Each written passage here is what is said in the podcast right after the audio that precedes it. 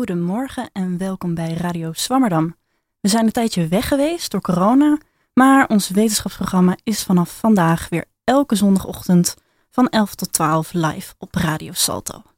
Mijn naam is Anke Spekman. Ik studeer Slavische talen en geschiedenis aan de Universiteit van Amsterdam.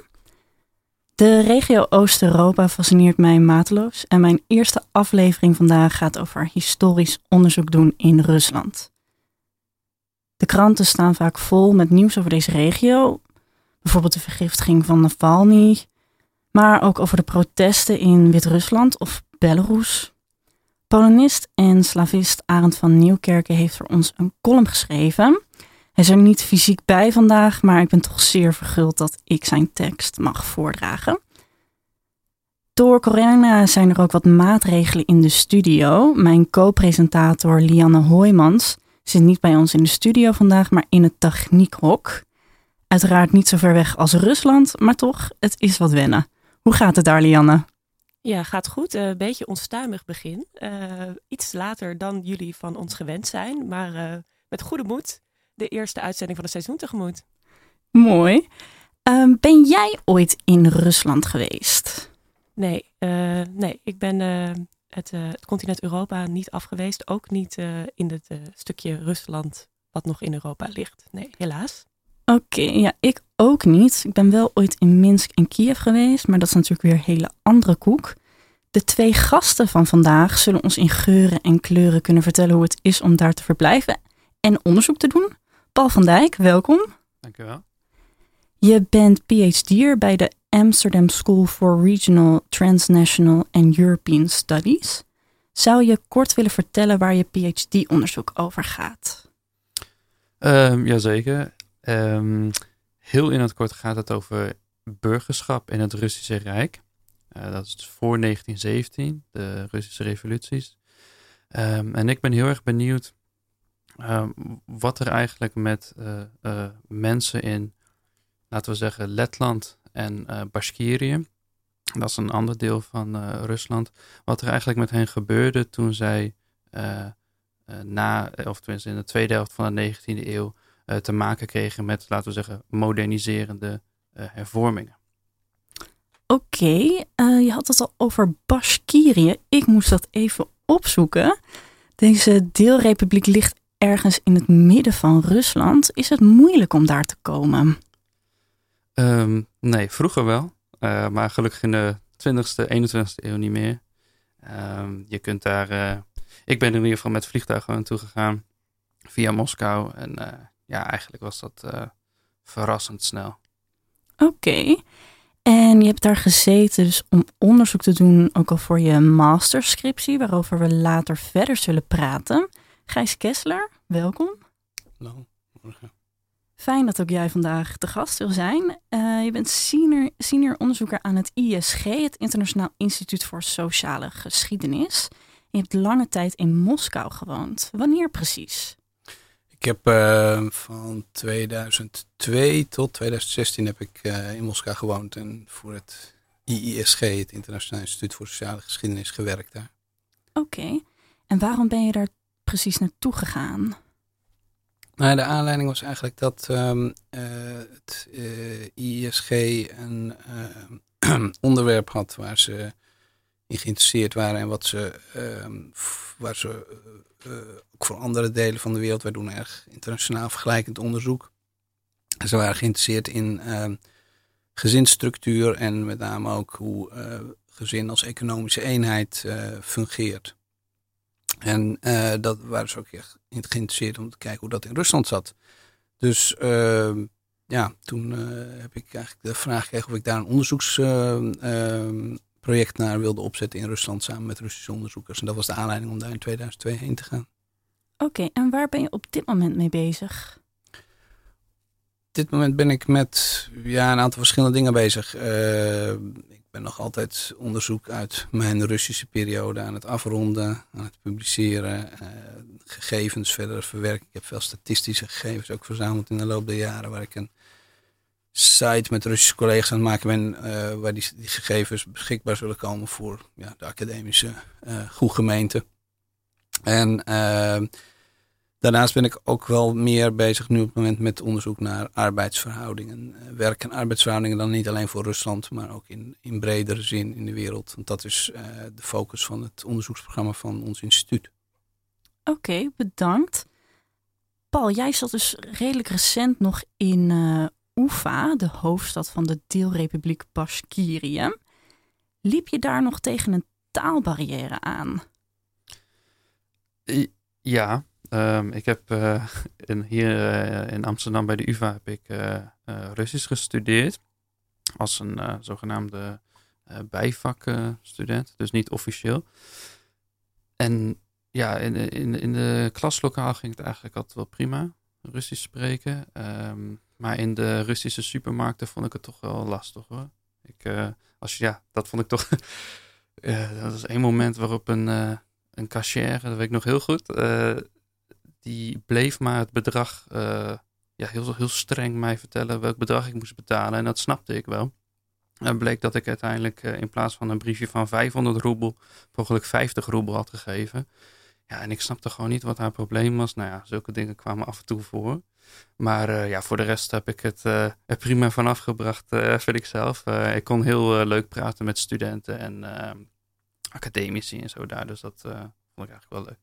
Oké. Ik was ooit met uh, de studievereniging van Slavische talen in Transnistrië. Dat is een regio in uh, Moldavië aan de Oekraïnse grens. Dat is een niet erkende staat. En uh, nu was daar een, een, een, groep Nederlands en veelal ook Russisch sprekende toeristen. Dat was daar echt een zeldzaamheid. Hm. Dus we werden best wel wat aangestaard. En ook in een boekwinkel sprak de lokale jeugd ons aan ze wilden allemaal graag met ons uit. En werd jij dan als buitenlander in Oefa nog anders behandeld? Um, ja, niet zozeer als buitenlander, denk ik. Um, want ja, die regio, het, ligt eigenlijk heel dicht bij de grens met Kazachstan. Uh, en daar, ja, het is een Turks sprekende, traditioneel dan Turks sprekende regio. Dus ze hebben heel veel banden met die uh, Centraal-Aziatische landen, ook met Turkije trouwens. Dus uh, je ziet veel buitenlanders uit die regio, Iran. Uh, die komen er ook wel vaak, Chinezen, steeds meer. Maar West-Europese uh, ja, toeristen eigenlijk niet echt. Maar onderzoekers, ehm, ja, dit is toch wel wat zeldzamer. Af en toe een Amerikaan, weet ik. en dat, dat vonden ze wel heel erg leuk. Ehm, van wauw, iemand uit Nederland, wat kom je hier doen? ja, en wat je zegt overigens, ik was toen 26 toen ik daar was. aardig jong vind ik zelf. Um, en dat wilden ze ook. Ze wilden heel graag van alles met je doen. Ze wilden heel veel alcohol drinken. Um, en ik drink zelf geen alcohol, dus dat was telkens even. Uh, en uh, ja, dat was eventjes van ja. hey, uh, voor mijn gezondheid. Ik drink niet. Oké, okay, oké. Okay. Nou, dan kwam je er wel mee weg. Maar ja, naar de dacha in de, in de sauna, weet je, zulke soort dingen. Dat, dat, dat vonden ze gewoon hartstikke leuk. Ja, dus veel vodka af moeten slaan daar. Ja, maar gelukkig kon ik wel heel veel thee drinken. Daar was, was ik ook wel blij Oké. En um, uh, ja, mijn ervaring met Nederlandse archieven is dat, je, ja, dat alles best wel soepel verloopt.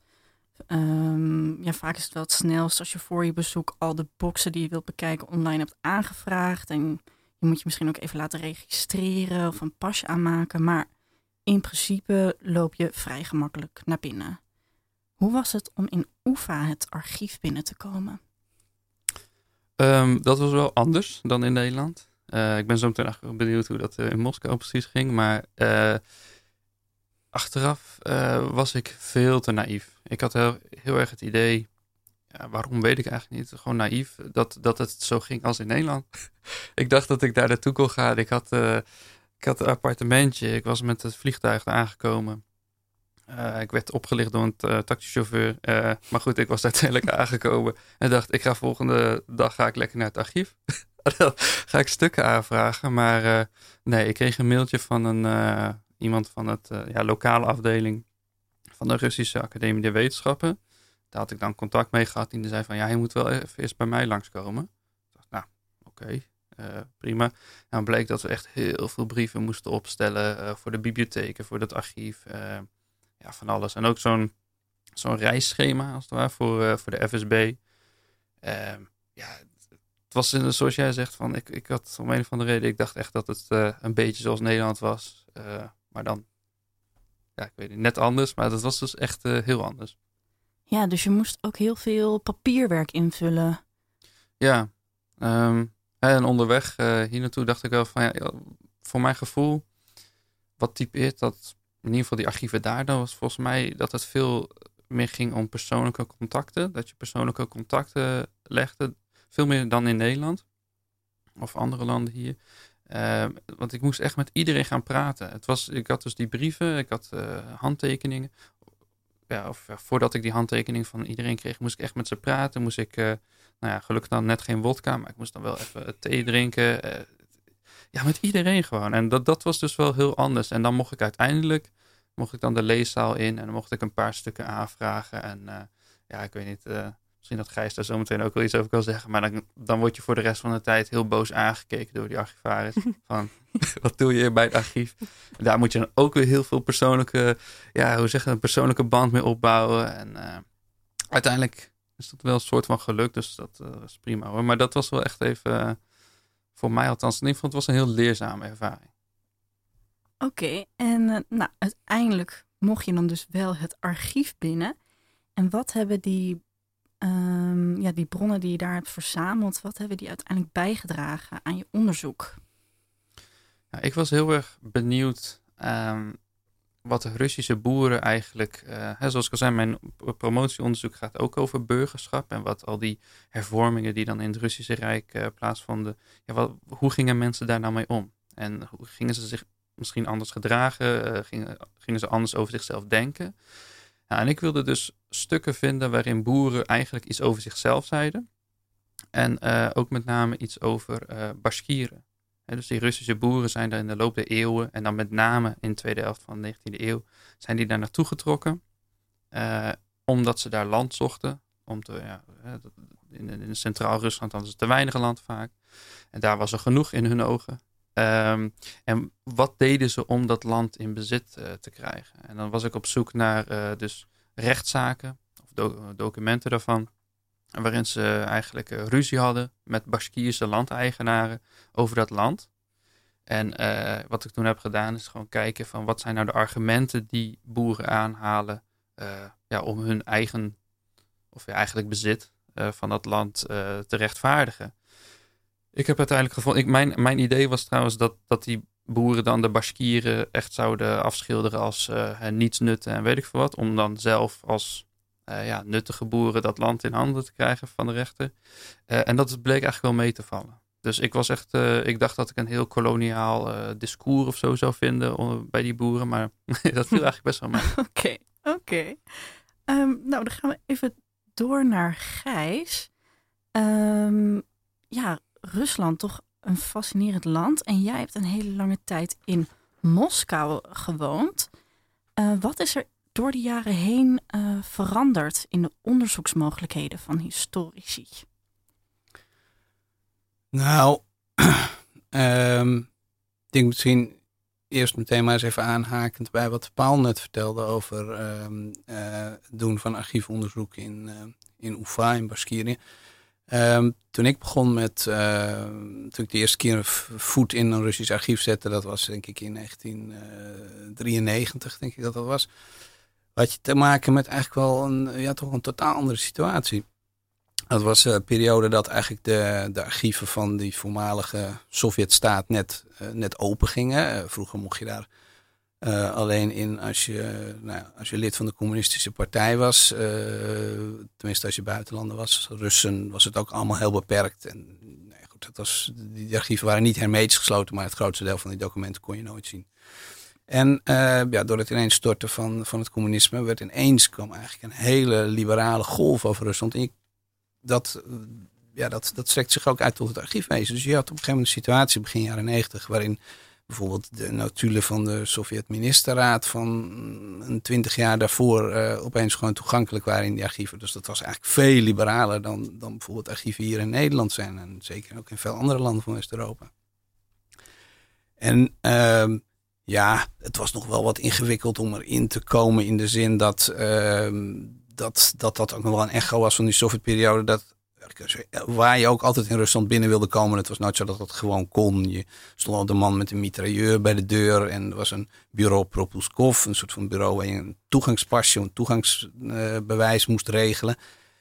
Maar die formaliteiten waren eigenlijk een beetje loos geworden. Dus uh, gelukkig had de Russische collega mij erop geweest. Ja, je hebt ook gewoon het recht om te zeggen: ik wil uh, vanuit persoonlijke interesse wil ik graag met deze documenten werken. En dan moest je zo'n briefje schrijven aan de directeur.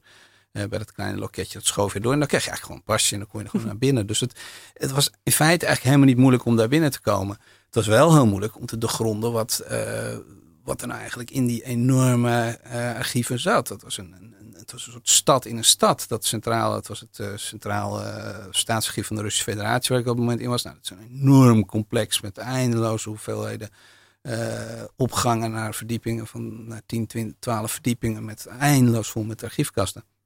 Ja, wat zit daarin? Dat, dat was een, een enorme ontdekkingstocht. En dat is ook eigenlijk wat waarom ik er denk ik ook in ben uh, doorgegaan in dat, in dat vak. Want dat was natuurlijk ontzettend, ontzettend interessant om te zien wat daar, uh, wat daar zo in zou komen. Niemand wist ook precies hoe die documenten in elkaar zaten.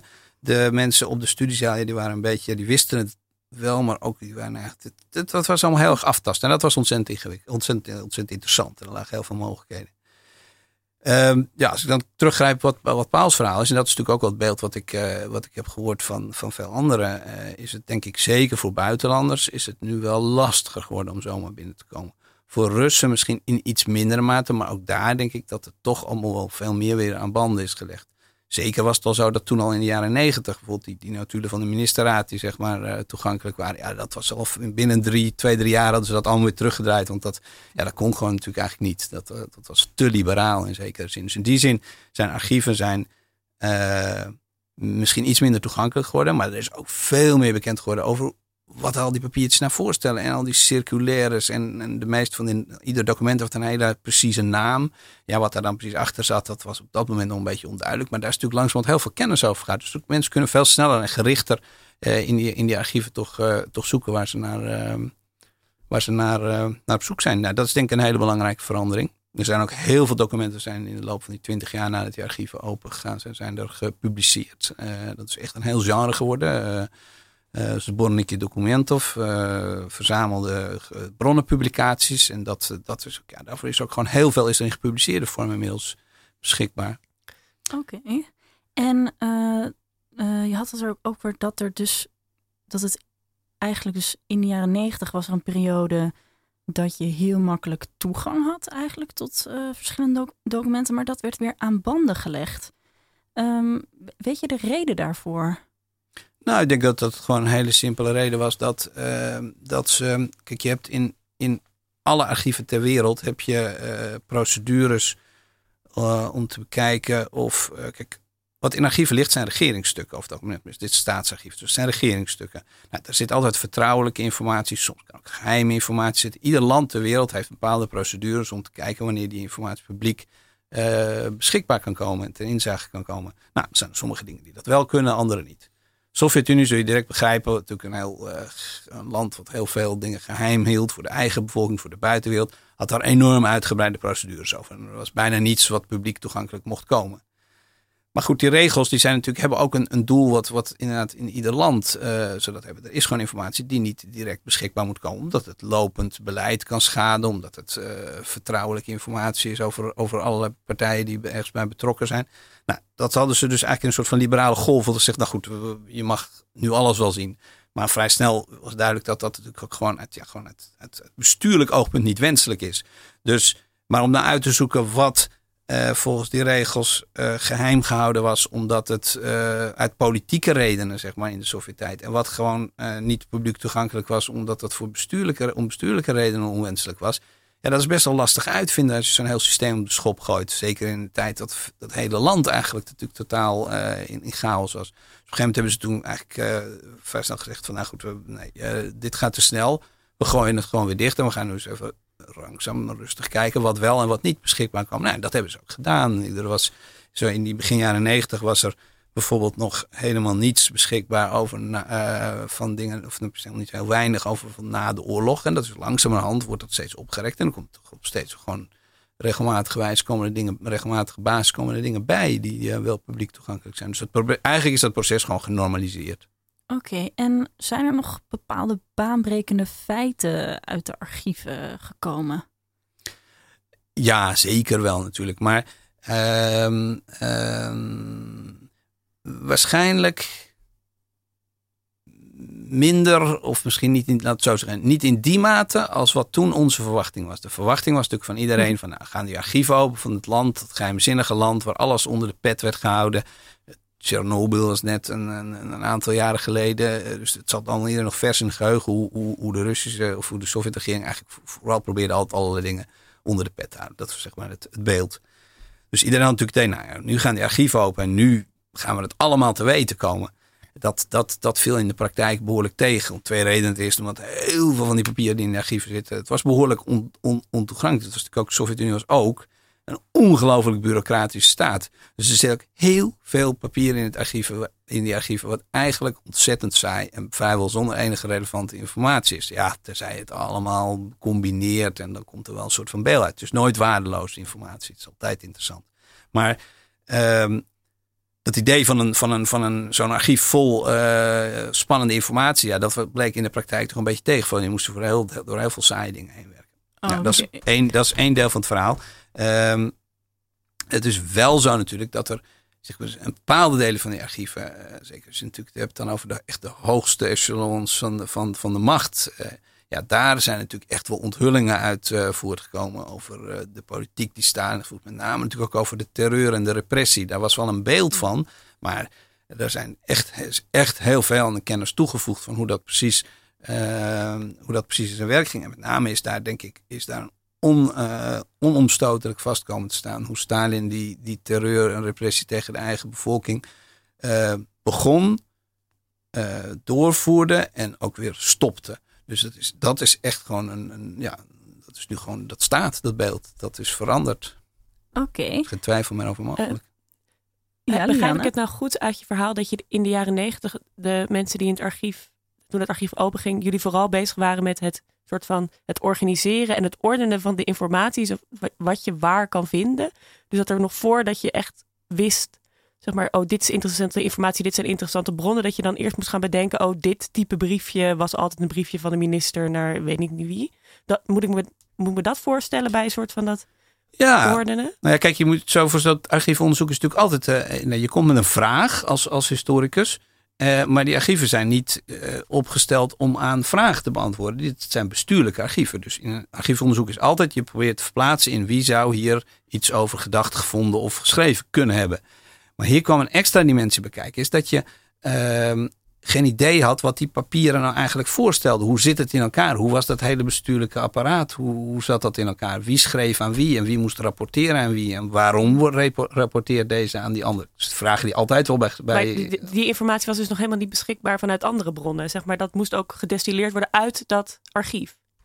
Ja, nou ja, in zekere zin wel. Want het was natuurlijk gewoon heel eigenlijk, ja, dat ik al zeg, het was een land wat, wat alles onder de pet hield. En hoe die bureaucratie functioneerde en hoe de macht functioneerde in de Sovjet-Unie, dat was uh, grotendeels toch wel onbekend op dat moment. Dus dat was inderdaad echt wel een, eh, een zoektocht, een mhm. collectieve zoektocht. Als ik daar nog iets aan mag toevoegen, ik denk dat, uh, ja, de jaren negentig waren misschien iets opener dan nu, maar ik denk toch dat sinds het uiteenvallen van de Sovjet-Unie, wat in ieder geval vind ik dan heel mooi is, is dat die uh, provinciale archieven ook uh, geopend zijn. En dan zie je, Gijs heeft het al over de terreur in de jaren 30 en zo. En dat we dan ook een veel beter beeld hebben gekregen van die regionale dynamiek. Zo van, natuurlijk speelde er van alles binnen die hoge elite in Moskou, Leningrad. maar hoe zat dat dan precies in bijvoorbeeld Bashkirië of noem eens een andere regio? En dat, ik denk dat dat ook heel erg veel heeft toegevoegd aan ja, ons totaalbeeld van zoiets als de terreur. Ja, dus niet alleen dat de archieven in Moskou en Lening, of Sint-Petersburg geopend zijn, maar ook die andere. Uh, dat is denk ik ook een heel belangrijke nou ja, gebeurtenis of ontwikkeling geweest voor geschiedschrijving.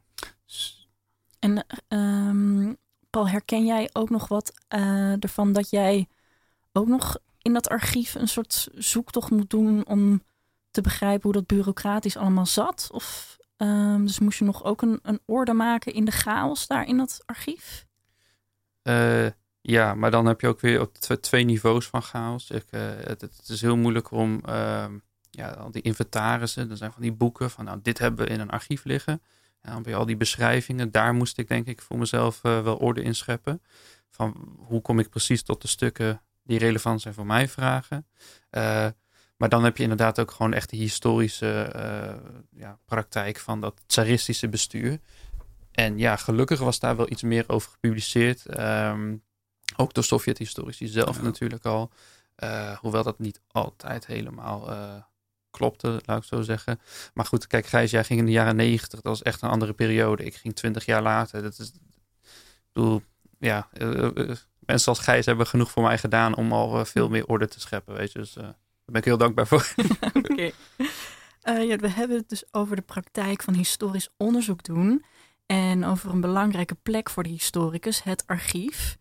Nu heeft elke geschiedenisstudent wel eens iets over de 19e eeuwse Duitse historicus Leopold van Ranke gehoord. Een soort van de, de godfather of de stichter van de geschiedschrijving, uh, in ieder geval als, als professie. En voor Ranke gold het archief als de levende en de ademende belichaming van het verleden. Paul, komt dat bekend voor? Ehm, ja, ik zou nu eigenlijk een heel een soort uh, geschiedenis van de geschiedschrijving, een, zeg maar een verhaal moeten houden over hoe hij erin stond. Maar eigenlijk, en een beetje kritisch over Ranke moeten zijn, maar eigenlijk uh, deel ik het wel een beetje. Ehm, de, was het nou Huizing of ja, wie was het nou, Romein of Huizing of zo? Iemand die zei van ja, je hebt die historische ervaring. Zo van, hm. van ja, je, je, je voelt echt wel een band met het verleden als je, ja, het zijn maar papiertjes met wat inkt erop, maar toch, als ik die, uh, die, uh, die, die, weet het, die documenten van rechtszaken, waar boeren soms zelf het een en ander opschreven, of soms ja, in een beetje lelijk handschrift hun handtekening zetten van ik vind dit goed wat hier staat. Ja, dat, ik weet niet, dat vond ik wel heel, heel mooi. Ja, Nee, dat is ongelooflijk fascinerend. inderdaad, het, een document ziet, dat is inderdaad toch wel ja, echt een, een rechtstreekse brug naar het verleden. En in die zin was het de jaren negentig ook een hele fijne periode, omdat alles, je kreeg alles nog op papier. En daarna zijn ze nu ook met de professionalisering begonnen en hebben ze dingen gedigitaliseerd of op microfiche gezet. En dat is toch echt wel veel minder ervaring als je door zo'n filmpje moet zitten scrollen in plaats van dat je gewoon een stuk papier voor je neus krijgt. Ja. Ja. Ja, en Leopold van Ranke vond ook dat de getrainde historicus in het archief zijn eigen vooroordelen en politieke loyaliteit kon vergeten en objectief te werk kan gaan. Gijs, kan je als onderzoeker vooroordelen opzij zetten in het archief? Nou, eigenlijk niet natuurlijk. Ik bedoel, dat is inderdaad wel de kern van, uh, van, van de, de wetenschapsfilosofie op het moment binnen, nee, binnen, binnen op het moment, maar uh, sindsdien uh, in, in de geschiedwetenschap dat je, je, je kunt je vooroordelen niet, niet opzij zetten. En, en je, je, eigen, je draagt je eigen ervaring en je draagt je eigen ideeën en je eigen voorstelling. Alleen, kijk maar, ik zit naar zo'n archiefstuk te kijken, Paul zit naar te kijken en ziet die boer voor zich. Er zijn politieke, niet politieke, persoonlijke. Dus je hebt een enorme bagage bij. Dus je kunt niet echt objectief naar documenten kijken. Nee, dat is, dat is onmogelijk. Dat, uh, je kunt wel proberen om uh, uh, dingen te proberen van verschillende kanten te zien. En te kijken wat zou die daarna van vinden. En hoe zou het zo zitten. En hoe zou met zo'n bril erop naar kijken. En ja, door die, die ehm, ja, hoe noem je dat? Er is een mooi woord voor me. Door, door die, dat zo'n soort kruisvuur kun je natuurlijk toch wel denken van ja, nou, dan heb ik het wel geprobeerd in ieder geval het van alle kanten te belichten. Ja. Oké, dan zal ik zo direct de column gaan voorlezen die is geschreven door Arend van Nieuwkerken. Arend van Nieuwkerken is Polonist en slavist, werkzaam aan de Universiteit van Amsterdam. En hij is ook buitenlands lid van de Poolse Academie voor de Wetenschap. In zijn column zal het gaan over de actualiteit in Belarus, maar het bevat ook vooral een culturele duiding. Dus de geschiedenis van het land en de status van de Wit-Russische taal zullen, voor, uh, zullen langskomen. Uh, maar voordat ik de column zal voorlezen, wil ik jullie hier vragen om een uitleg van twee begrippen. Uh, Paul, wat is precies een kolgos? Een kolgos, um, dat was eigenlijk een collectieve boerderij hè, in de Sovjet-Unie. Um, ja, als je het heel kort wil zeggen, in naam waren de boeren die daar werkten, waren uh, ja, eigenaar van de boerderij en uh, deden het voor zichzelf. Maar in de praktijk zat dat toch iets anders. Um, en ja, ik denk dat uh, de, de, meeste boeren er niet heel erg blij mee waren. Want ze waren heel veel van hun bezit kwijtgeraakt. Oké. En Gijs, eh, wat betekent Ruski Mir? Ja, dat, dat betekent letterlijk Russische wereld. Maar goed, wereld is ook een woord wat verwijst. En daar gaat het hier om. Was het systeem, uh, de dorpsgemeenschap eigenlijk. In de, voor, de, uh, voor 1917 ehm, was de, um, was de dorpsgemeenschap was, ehm, ja, het is, een vrij ingewikkeld verhaal, maar goed, het gaat om de dorpsgemeenschap die land in collectief eigendom of gebruik had. En daar waren dan weer bepaalde regels. De kern, meestal, er zijn veel mythes over. Maar goed, de kern van het idee, vaak waaraan gerefereerd wordt bij de Roeskimir, is dat land, wat natuurlijk de, de, bron van welvaart is in een agrarische maatschappij, dat land werd door allerlei mechanismen van herverdeling werd, in overeenstemming gebracht met de grootte van een gezin of van een huishouden.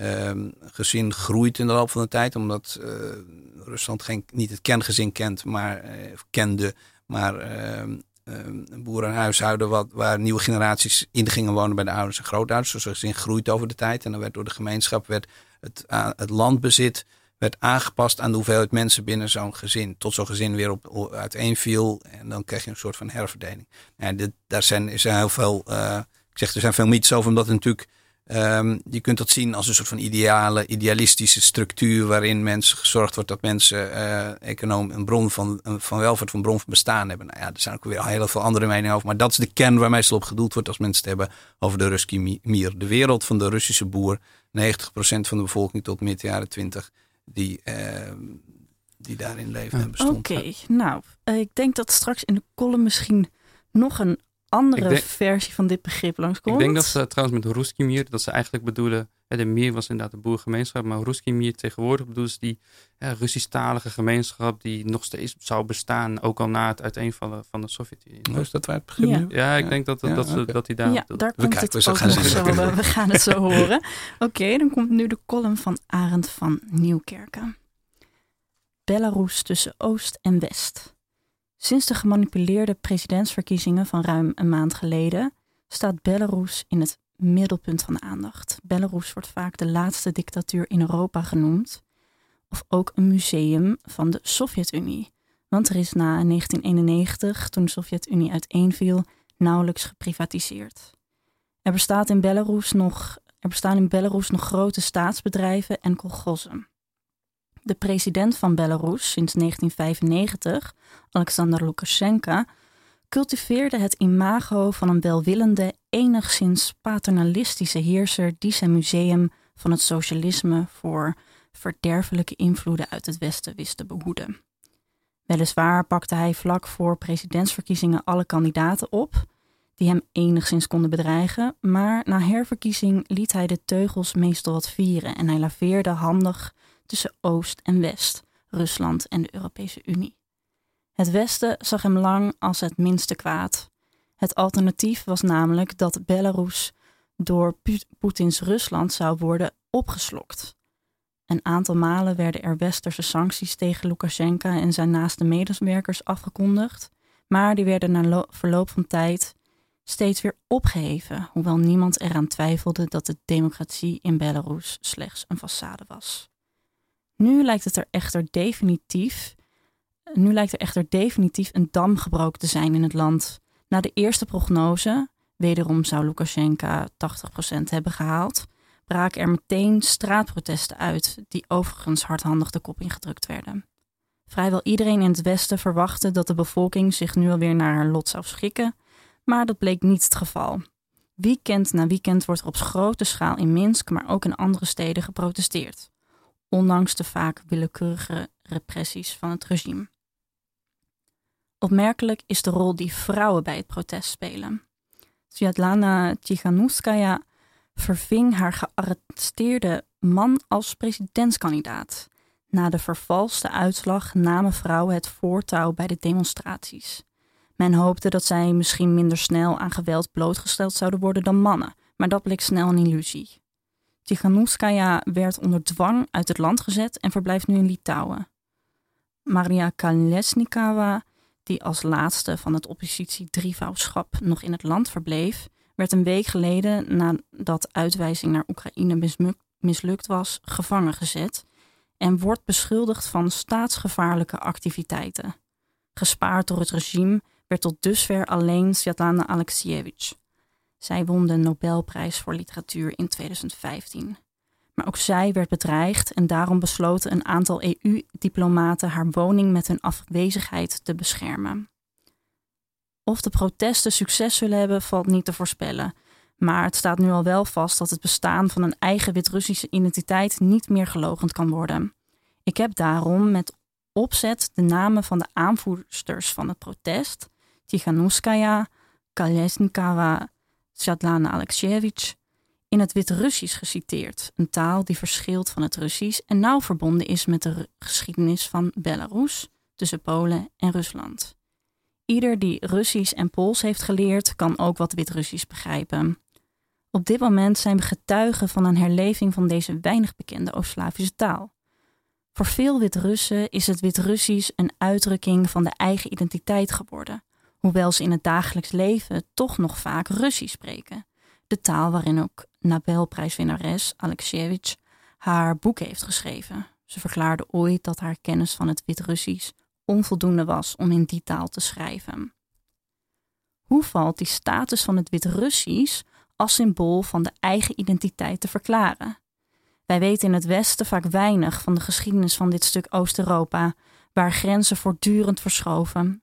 Vaak is het wel bekend dat Polen eind 18e eeuw van de landkaart verdween, maar meestal weet men niet dat dit Polen eigenlijk een unie was van twee staten: het Koninkrijk Polen en het Groothertogdom Litouwen. Dat Litouwen besloeg behalve de huidige gelijknamige staat ook Oost-Slavische gebieden, met name Belarus en tot diep in de 16e eeuw ook Oekraïne. Het groothertogdom had een eigen regering en de bestuurstaal was tot 1693 oud-Wit-Russisch. Geleidelijk raakte de adel echter gepoloniseerd en werd het Wit-Russisch verdrongen door het Pools. Het Wit-Russisch veranderde in een boerentaal. Dat proces stopte ook niet toen na 1795 Belarus deel ging uitmaken van het Tsarenrijk. Het Pools werd namelijk vervangen door het Russisch. Toen na 1917 het oostelijke deel van Belarus een republiek binnen de Sovjet-Unie werd, kregen minderheidstalen en culturen officieel meer ruimte, maar in de praktijk verloor het Wit-Russisch nog steeds. Nadat Belarus onafhankelijk werd, in 1991, kwam daar aanvankelijk geen echte verandering, verandering in, zeker sinds Lukashenko president werd. Op een bepaald moment werd het Wit-Russisch zelfs als een bedreigde taal gekwalificeerd. Het is dus hoogst opmerkelijk dat de taal de laatste jaren weer aan prestige wint. Dit zou verklaard kunnen worden als een zich bewust afzetten tegen Rusland. Na het uiteenvallen van de Sovjet-Unie werd de communistische ideologie vervangen door het idee van Ruski Mir, de Russische wereld, bestaande uit drie Oost-Slavische volkeren: de Russen, Wit-Russen en Oekraïners. De ideologie van de Ruski Mir zet zich bewust af tegen het democratische en liberale Westen. De Russische wereld moet geleid worden door een sterke autocratische heerser. Dit wereldbeeld is echter in strijd met de traditie van het Pools-Litouwse gemene best, met haar gedecentraliseerde parlementaire systeem, hoewel alleen de adel democratische rechten had. Onderhuids is deze democratische erfenis altijd belangrijk geweest voor de Wit-Russische identiteit. Daarnaast hebben de intensieve contacten van de bevolking van Belarus met de westelijke buurlanden, Polen en Litouwen, er zijn met name in Polen veel Wit-Russische gastarbeiders, laten zien dat democratisch bestuurde staten zich ook economisch beter ontwikkelen dan dictaturen, hoewel een te snelle privatisering van de Wit-Russische industrie tot protesten zou kunnen leiden. Het protest in Belarus lijkt het gevolg te zijn van een herlevend historisch bewustzijn in combinatie met onvrede over de starheid van het eigen politieke systeem. Iets dergelijks gebeurde eerder in Oekraïne en leidde ertoe dat dat land nu definitief afstand heeft genomen van de Ruski Mir. Poetin en Lukashenko zijn zich van die analogie bewust en zullen alles doen om Belarus binnen de Russische invloedssfeer te behouden. Rusland heeft ook de machtsmiddelen om dat door te zetten. Maar op dit moment lijkt het erop dat Lukashenko en Poetin de strijd om de Wit-Russische ziel verloren hebben. Opmerkelijk hierbij, maar niet verwonderlijk, is nog het engagement van Litouwen. Het Litouwse parlement verklaarde als eerste dat de verkiezing van Lukashenko dat het de verkiezing van Lukashenko niet erkent. Litouwen beschouwt zich als erfgenaam van het gelijknamige groothertogdom, waarvan ook Belarus deel uitmaakte. En waarin lang voornamelijk Wit-Russisch gesproken werd. Ook het Litouws was, net als het Wit-Russisch, een bedreigde boerentaal. In het geval van Litouwen omdat de adellijke elite sinds de 17e eeuw Pools sprak. Hetzelfde gold voor de gepoloniseerde Wit-Russische adel. Maar de Wit-Russen kregen in de 19e en de 20e eeuw ook nog met de machtige invloed van het verwante Russisch te maken. De Litouwers slaagden er in de 20e eeuw tenslotte in weer een eigen nationale identiteit te scheppen, gebaseerd op een eigen taal, het Litouws. In dit opzicht zijn Litouwers een lichtend voorbeeld voor de Wit-Russen, hoewel hun tot voor kort sterk bedreigde identiteit heroverd moet worden op Rusland. Zal dit lukken? De kansen staan goed en het is voornamelijk een kwestie van cultuur. Bedankt Arend van Nieuwkerken voor deze column. Je kan Arend van Nieuwkerken ook volgen op Twitter, Arend met een TVN. Oké, okay, ehm, Gijs Arend van Nieuwkerken zei in de column dat democratisch bestuurde staten zich economisch beter ontwikkelen dan dictaturen. Ben jij het daarmee eens? Ja, dat is een heel grote vraag. Heel groot maar goed, uh, ik, denk, ik stel hem ook omdat jij meer ook in de economische ja, geschiedenis ik begrijp het. Uh, ik, ik, uh, ik denk dat, dat het grotendeels wel waar is. In ieder geval hopen we dat het waar is, laat ik het zo zeggen. Um, wat de grote uh, makke is van dictaturen, is dat ze de plank veel makkelijker mis kunnen slaan in wat ze ook doen. En dat geldt ook voor economische ontwikkeling. Ze kunnen misschien, zoals de Sovjet-Unie, uh, enorme economische groei in een hele korte tijd bewerkstelligen. Ik bedoel, niet voor niets was de Sovjet-Unie een lichtend voorbeeld voor, voor veel van de voormalige koloniën in de jaren 50, 60. Maar ja, uiteindelijk hebben ze een systeem gecreëerd wat, aan, wat aan zichzelf ten onder ging. En democratieën hebben toch meer checks, waardoor uiteindelijk de kans op mislukking kleiner is. Oké, en Paul, heb jij een voorkeur voor Belarus of Wit-Rusland? Uh, nee, eigenlijk niet. Uh, maar ik snap heel goed waarom mensen uh, Belarus willen zeggen. Omdat ik denk de associatie met Rusland toch... dat ze die zo klein mogelijk willen houden. Dus ik snap het wel. Oké. Nou, ik hoor al op de achtergrond de eindtune. Dus ik wil jullie heel erg bedanken voor het komen. We hadden helaas wat technische problemen, waardoor we een kwartier later zijn gestart. Deze uitzending ging over historisch onderzoek doen in Rusland en werd gepresenteerd door mij, Anke Spekman. En mijn co-presentator was Lianne Hoijmans. Zij deed vandaag ook de techniek. Nogmaals hartelijk dank aan de gasten. Paul van Dijk en Gijs Kessler. Arend van Nieuwkerken schreef een column. Ook veel dank aan hem voor zijn bijdrage op afstand.